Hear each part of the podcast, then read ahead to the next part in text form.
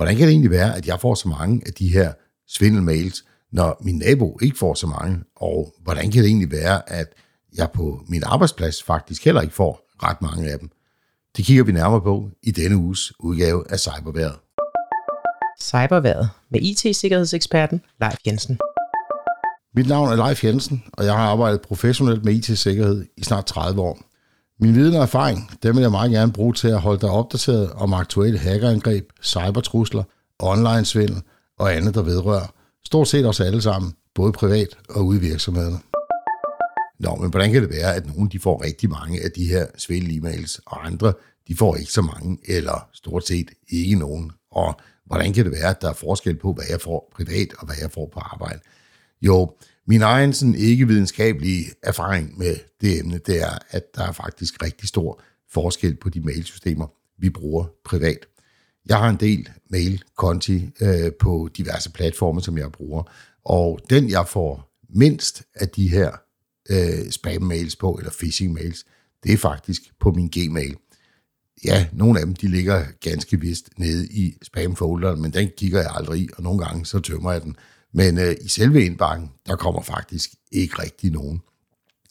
En anden, som jeg bruger, det er Outlook.dk, som er drevet af Microsoft.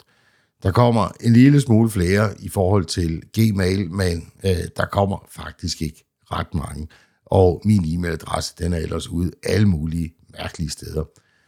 Men hvad så med alle mulige andre mailsystemer? Jo, øh, det som jeg har erfaring med, det er, at mange de har en e-mailkonto i den forening, de nu er medlem af. Og det foregår typisk på den måde, at man har købt en hjemmeside hosting og også noget mailsystem hosting, og så har man ikke tænkt på, at der skulle måske være noget spamfilter her. Så der kommer alt fuldstændig ufiltreret. Og hvis man så også på foreningens hjemmeside har skrevet en liste over, hvem der er medlem af foreningen, eller hvis man er i bestyrelsen, og man har skrevet sine kontaktinformationer der, jamen øh, så kan man være helt sikker på, at ens mailadresse den bliver fisket op af øh, svindlere, som har sådan nogle, øh, hvad skal vi kalde det, ligesom når fiskerne de øh, fisker med sådan et øh, trawl, så øh, trawler de, som man kalder det, hele internettet for øh, e-mailadresser, og dem tilføjer de bare en stor database. Og hvis du så ikke, øh, eller hvis din forening så ikke har det her spamfilter, jamen så kommer de bare fuldstændig ufiltreret til dig. Det kan du gøre noget ved, uden at bede foreningen om at få et spamfilter. Du kan eventuelt have et godt antivirusprogram på din PC, som integrerer med din e-mail-klient, og den fjerner så øh, alle de her spam-meddelelser og phishing-meddelelser og øh, meddelelser, der indeholder links, som du absolut ikke skal trykke på. Men som sagt, øh, default er, at der ikke er nogen spamfilter på, øh, når man køber en hjemmeside hosting med en e-mail server. Der er nogle af de her øh, hjemmeside hosting virksomheder, som tilbyder et øh, avanceret spamfilter, hvis man betaler lidt ekstra for det. Men det er der altså mange, der glemmer. Nå, men hvorfor er det så, at jeg ikke rigtig får så mange spams på min arbejdsplads? Jo, øh, det er for, oftest fordi, at arbejdspladsen måske har valgt at investere i en god sikkerhedspakke, som allerede inden mailsene enten kommer ind på deres egen server eller på Microsoft Office 365, jamen så bliver alle de her phishing-mails sorteret fra.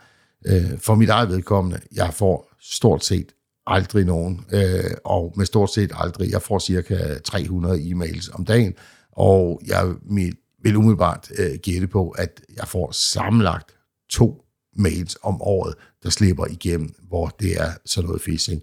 Og min arbejdsrelaterede mail, den er ude endnu flere steder end min private mail, fordi jeg er øh, offentlig talsperson for virksomheden. Så et øh, godt antivirusprogram, en god sikkerhedspakke, der også beskytter mod de her phishing mails, de kan filtrere langt de fleste af dem fra, og så skal vi altså ikke selv til at tage stilling til, om det nu er svindel, den her med NemID eller ej. Den får vi simpelthen aldrig. Nå, men der er også nogle af de her beskeder, som kommer på sms. Hvordan i verden kommer de? Jo, øh, hvis man nu er så lidt sindig, som man deltager i alle mulige konkurrencer på internettet, og øh, er helt frisk til at oplyse sit telefonnummer hver eneste gang, jamen, så ender de her også øh, ofte på nogle lister, som de kriminelle bruger til at skubbe sådan nogle øh, phishing-beskeder ud på sms. Så en opfordring, lad nu være med at bruge dit telefonnummer på alle de her konkurrencer. Øh, du vinder jo sjældent noget alligevel. Det var cyberværet for denne gang. Vi er tilbage igen med en ny cyberværetudsigt igen næste uge. Tusind tak, fordi du lyttede med.